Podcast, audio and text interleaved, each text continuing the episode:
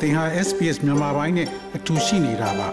sbs.com.au/burmese မှာပုံမထူးခဲ့တဲ့သတင်းစာမားတွေကိုရှားဖွေပါ SBS မြန်မာပိုင်းကို အင်ကာနဲ့စနေနေ့ည10:00နာရီမှနားဆင်နိုင်တယ်လို့အွန်လိုင်းကနေလည်းအချိန်မီနားဆင်နိုင်ပါပြီ။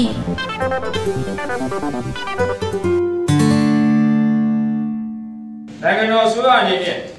ပြည်သူတို့၏ဘဝလုံခြုံမှုဥပဒေ၏အကာအကွယ်ကိုတန်းတူခံစားနိုင်ခွင့်ရရန်အတွက်ရည်ရွယ်ပြီးကောင်းမွန်စွာဖွဲ့စည်းတာဝန်ပေးရခဲ့တော်လဲတာဝန်ရှိအဖွဲ့အစည်းများအနေအနေနဲ့တိတိကျကျဆောင်ရွက်နိုင်မှုမရှိသေးတာကိုလည်းတွေ့မြင်သုံးသပ်ရပါတယ်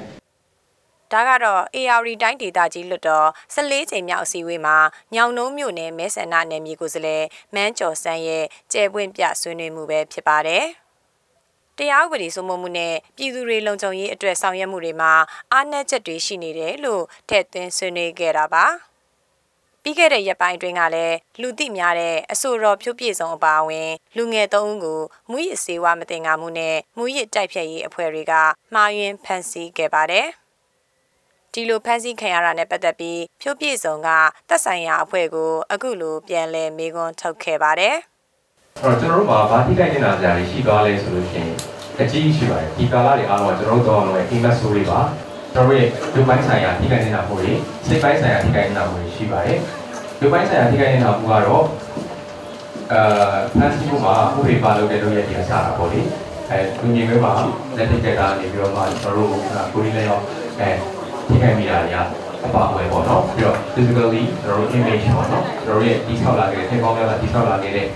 image ကိုထိခိုက်တာဒါတွေကအခုဒီပြေဖတ်လို့တာကျွန်တော်တို့လွယ်လွယ်လေးပြောပြသွားနိုင်တာဟောဘာမှမဟုတ်ပါဘူးလေပို့ပြီးတော့ကောင်းလာပါသေးတယ်ကိုကောင်းဖို့ဖြစ်လာတာပါဆိုတော့အဖြေကိုကျွန်တော်လက်ခံလိုက်ရတာအသိကြီးများတခြားအားလုံးကြီးနဲ့ကျွန်တော်စဉ်းစားမယ်ဒီဖြေမဟုတ်ခဲ့ဘူးဆိုလို့ရှိရင်ကျွန်တော်တို့တော့ဘာဖြစ်နေပါလဲဆိုတာမျိုးပေါ့နော်အဲ့ဒီကိုလေးကျွန်တော်မေးချင်ပါတယ်။ မြန်မာနိုင်ငံမှာဒီလိုမှားယွင်းဖမ်းဆီးခံစားရမှုတွေဟာမကြာခဏဆိုသလိုသတင်းတွေထွက်ပေါ်ခဲ့ပါတယ်။ဒါဟာအပြစ်မဲ့သူတွေအတွက်နစ်နာစရာဖြစ်တယ်လို့ပြည်သူတွေရဲ့ဝေဖန်မှုတွေလည်းရှိနေပါတယ်။ဒါအပြင်တရားဥပဒေစိုးမိုးရေးမှာအားနည်းချက်တွေရှိနေတာကြောင့်ဒီလိုဖြစ်စဉ်တွေဖြစ်နေတာလို့ကျွမ်းကျင်သူတွေကလည်းသုံးသပ်ကြပါတယ်။ ဒီဖြစ်စဉ်မျိုးတွေမှာတာဝန်ရှိသူတွေရဲ့ဆောင်ရွက်ချက်နဲ့ပတ်သက်ပြီးအငိမ့်စားရဲမှုချုပ်ဝင်းကောင်က70 Media နဲ့အခုလိုဆွေးနွေးထားပါတယ်။လူတွေကိုသိစေခြင်းတဲ့ဥစ္စာဥပဒေကိုကာကွယ်စောင့်ရှောက်ရတဲ့ဒါ law enforcement agency ပေါ့နော်ဒီဥပဒေကိုတန်းစီကာကွယ်ဖို့အတွက်ဆောင်ရွက်နေရတဲ့ရဲတပ်ဖွဲ့ကဲ့သို့သောအဖွဲ့အစည်းမျိုးသည်နော်ပြည်သူလူထုရဲ့အကျိုးစီးပွားကိုဆောင်ကျဉ်တဲ့အချိန်မှာ ပြည်သူလူထုအမြင်မတိမ်အောင်မဆောင်အောင်လှုပ်ဆောင်ဖို့ကိုဒါဥပဒေမှာအများကြီးပဲသူ့ကိုပေါင်းချုပ်ထားတယ်တနည်းအားဖြင့် uniform ဝတ်တိုင်းရဲဖြစ်တိုင်းလုတ်ပိုင်ဝင်အပြည့်အဝဥပဒေကနေပြီးတော့အကန့်အသတ်မဲ့သူ့ကိုပေးထားတာမဟုတ်ပါဘူးသူ့သူဒီဥပဒေကိုစနစ်တကျကင်တွင်ကျင့်သုံးရမယ့်အဖွဲ့အစည်းသားတွေဖြစ်ပါတယ် ဖြိုးပြည့်စုံလို့အမှားယွင်းဖမ်းဆီးခံရတာတွေအပြင်ဖမ်းဆီးခံရချိန်မှာနှိပ်စက်စစ်ဆေးခံရတာတွေဟာလူတဦးချင်းစီရဲ့ဂုဏ်သိက္ခာကိုထိပါစေပါတယ်။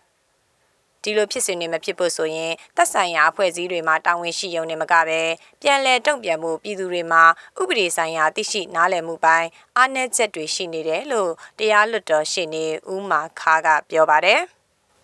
အဲကျွန်တော်တို့မြန်မာနိုင်ငံမှာတရားဥပဒေစိုးမိုးရေးအဲအ ပြည့်အဝမရှိတဲ့အနေအထားရှိတယ်တရားဥပဒေစိုးမိုးရေးပြည့်ရွေးနေတဲ့အနေအထားပေါ့ဗျာဆိုတော့နှစ်ပိုင်းပေါ့တရားဥပဒေစိုးမိုးရေးပြည့်ပေါ့ပြည့်ရွေးနေတယ်ဆိုတာတစ်ပိုင်းကတော့ဥပဒေအရာကောင်မှကျွန်တော်တို့တရားဥပဒေစိုးမိုးရေးသူ့ရဲ့စန့်ချင်စာမျိုးမရှိဘူးပြောဆိုတရားမျှတတဲ့ဥပဒေတွေကျွန်တော်တို့မှာအပြည့်အဝမရှိဘူးဒါတစ်ပိုင်းဒါဆိုဥပဒေအရာကောင်မှပြဿနာရှိနေတစ်ပိုင်းပေါ့နောက်ထပ်တစ်ပိုင်းကျတော့ဥပဒေကိုအဲလက်တွေ့အသုံးချအကောင့်တွေပေါ်တဲ့ဒီအာဏာပိုင်အဖွဲ့အစည်းတွေကဥပဒေကိုတရားဥပဒေစိုးမိုးရေးရှုထောင့်ကနေဒီ တရားဥပဒေအတိုင်းပေါ့ဗျာဒါမမှန်ကန်ကန်လှုပ်ဆောင်တဲ့အပိုင်းမှာအင်မတန်မှအားနေတယ်မရှိဘူးလို့ပြောရမှာပေါ့ဗျာဒါအပြည့်အဝမရှိဘူးဆိုတဲ့အနေထားရှိတဲ့ခါကျတော့ထားလိုက်ကျွန်တော်တို့ပြည်သူလူထုကလည်းဒါကိုမတိဘူးဆိုတဲ့ခါကျတော့ဒီအာဏာပိုင်သူတို့ရဲ့အာဏာရှိတဲ့လူတွေကသူတို့ကဥပဒေကိုကြော်လွန်မြလက်တလုံးချဥပဒေအတိုင်းမဟုတ်ဘဲနဲ့သူကဥပဒေရဲ့အဲတခြားပုံစံနဲ့ပေါ့ဗျာဥပဒေကိုသူတို့လိုက်နာချင်းမရှိမဲ့လှုပ်ဆောင်တော့တဲ့အပိုင်းတွေကျွန်တော်တို့မှာအများကြီးရှိနေတယ်ရှိတဲ့ခါလဲကျွန်တော်တို့ကအဲဒီတိုင်းပဲကျွန်တော်ခံရတာပေါ့ ဖြစ်သွားတဲ့ခါကျတော့ဆိုတော့တကယ်လို့ကျွန်တော်ကတရားဥပဒေစိုးမိုးရေးအပြည့်အဝရှိတဲ့နိုင်ငံဆိုတော့ဥပမာဗျာဒါဥပဒေကအထိုက်လောက်ကောင်းမယ်နောက်တစ်ခုကတစ်ဖက်မှာကျတော့ဒီ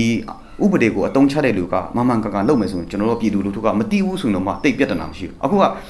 ဥပဒေကိုအတုံးချနေအတုံးဒီအကောင့်တွေပေါ်တဲ့လူတွေကိုလည်းက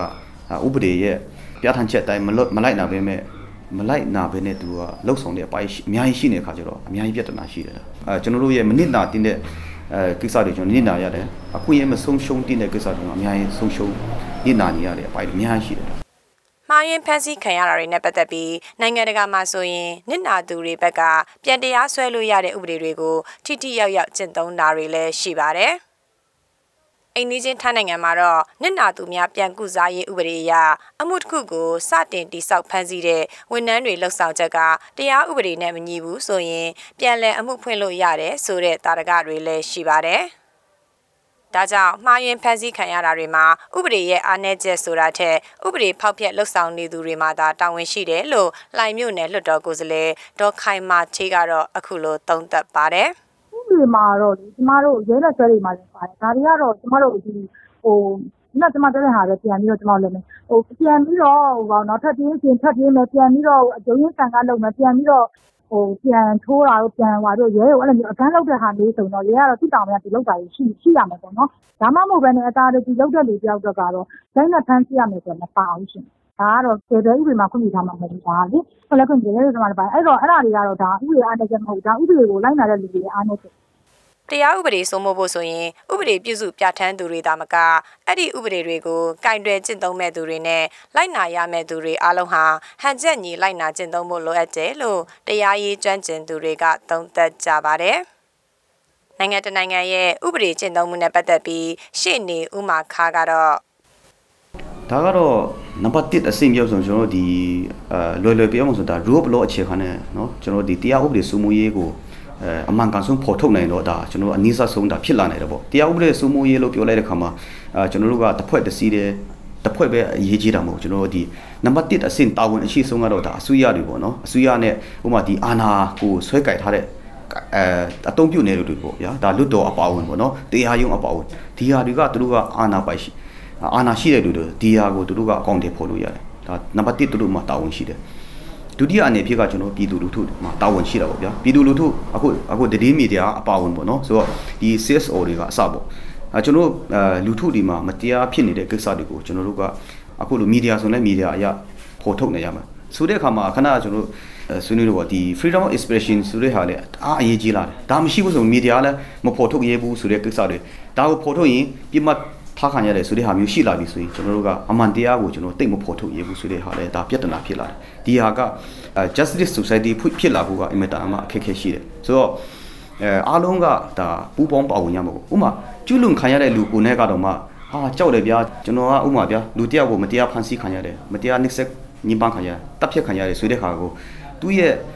ကိုယ်တိုင်ခံရတဲ့လူဒါမှမဟုတ်လည်းအဲ့ဒီ သူ့ရဲ့မိသားစုဖြစ်ဖြစ်ပေါ့နော်ဒါကိုအမှန်တရားကိုသူကပြောဆိုဖို့အားနေတယ်ပြောစီဆိုချင်ဘူးမပြောဆိုရဲဘူးနော်အဲ့လိုမျိုးအနေထားဖြစ်လာပြီဆိုရင်ဒီဟာကအမှန်တရားကိုဖော်ထုတ်ကအင်မတန်မှခက်လာပြီနော်အဲ့ဒီနောက်ပိုင်းကျွန်တော်တရားမျှတမှုကိုဖော်ထုတ်ဖို့အင်မတန်မှခက်လာဒီလိုမျိုးကျွန်တော်မြန်မာနိုင်ငံမှာ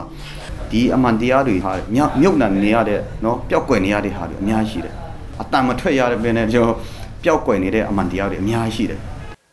ဥပဒေစိုးမိုးရေးဆိုတာမြန်မာနိုင်ငံမှာအစိုးရအဆက်ဆက်တာမကပြည်သူတွေရဲ့ပါဇက်ဖျားမှာရေပန်းအစားဆုံးစကလုံးတစ်ခုပါ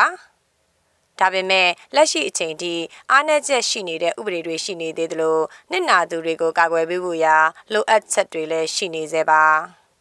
ပြည်သူတွေအတွက်တော့ဥပဒေရဲ့ကာကွယ်ပေးမှုတွေမထိရောက်သေးရင်တော့လူသိများသားတဲ့ဖြုတ်ပြည့်စုံတို့လိုဖြစ်ရမျိုးတွေအပြင်လူမသိသူမသိမှားယွင်းဖန်ဆီးနှိပ်စက်စစ်ဆေးခံရတဲ့အဖြစ်မျိုးတွေကိုယ့်အလှည့်ရောက်မလာဖို့တဦးချင်းမှာစိုးရိမ်စိတ်တွေရှိနေကြသေးပါဒီသတင်းကိုတော့တန်လင်ခက်ကပေးပို့ထားတာဖြစ်ပါတယ် SBS မြန်မာပိုင်းကိုနားဆင်ရတာနှစ်သက်ပါတလား Facebook မှာဆွေးနွေးမှုတွေကိုဆက်ကြရအောင်ပါ SBS မြန်မာပိုင်း Facebook ကို like လုပ်ပြီးတော့သင်ချင်တဲ့ချက်ကိုမျှဝေနိုင်ပါတယ် SBS Bemis ကို Facebook မှာ share ကြည့်နိုင်ပါတယ်ရှင်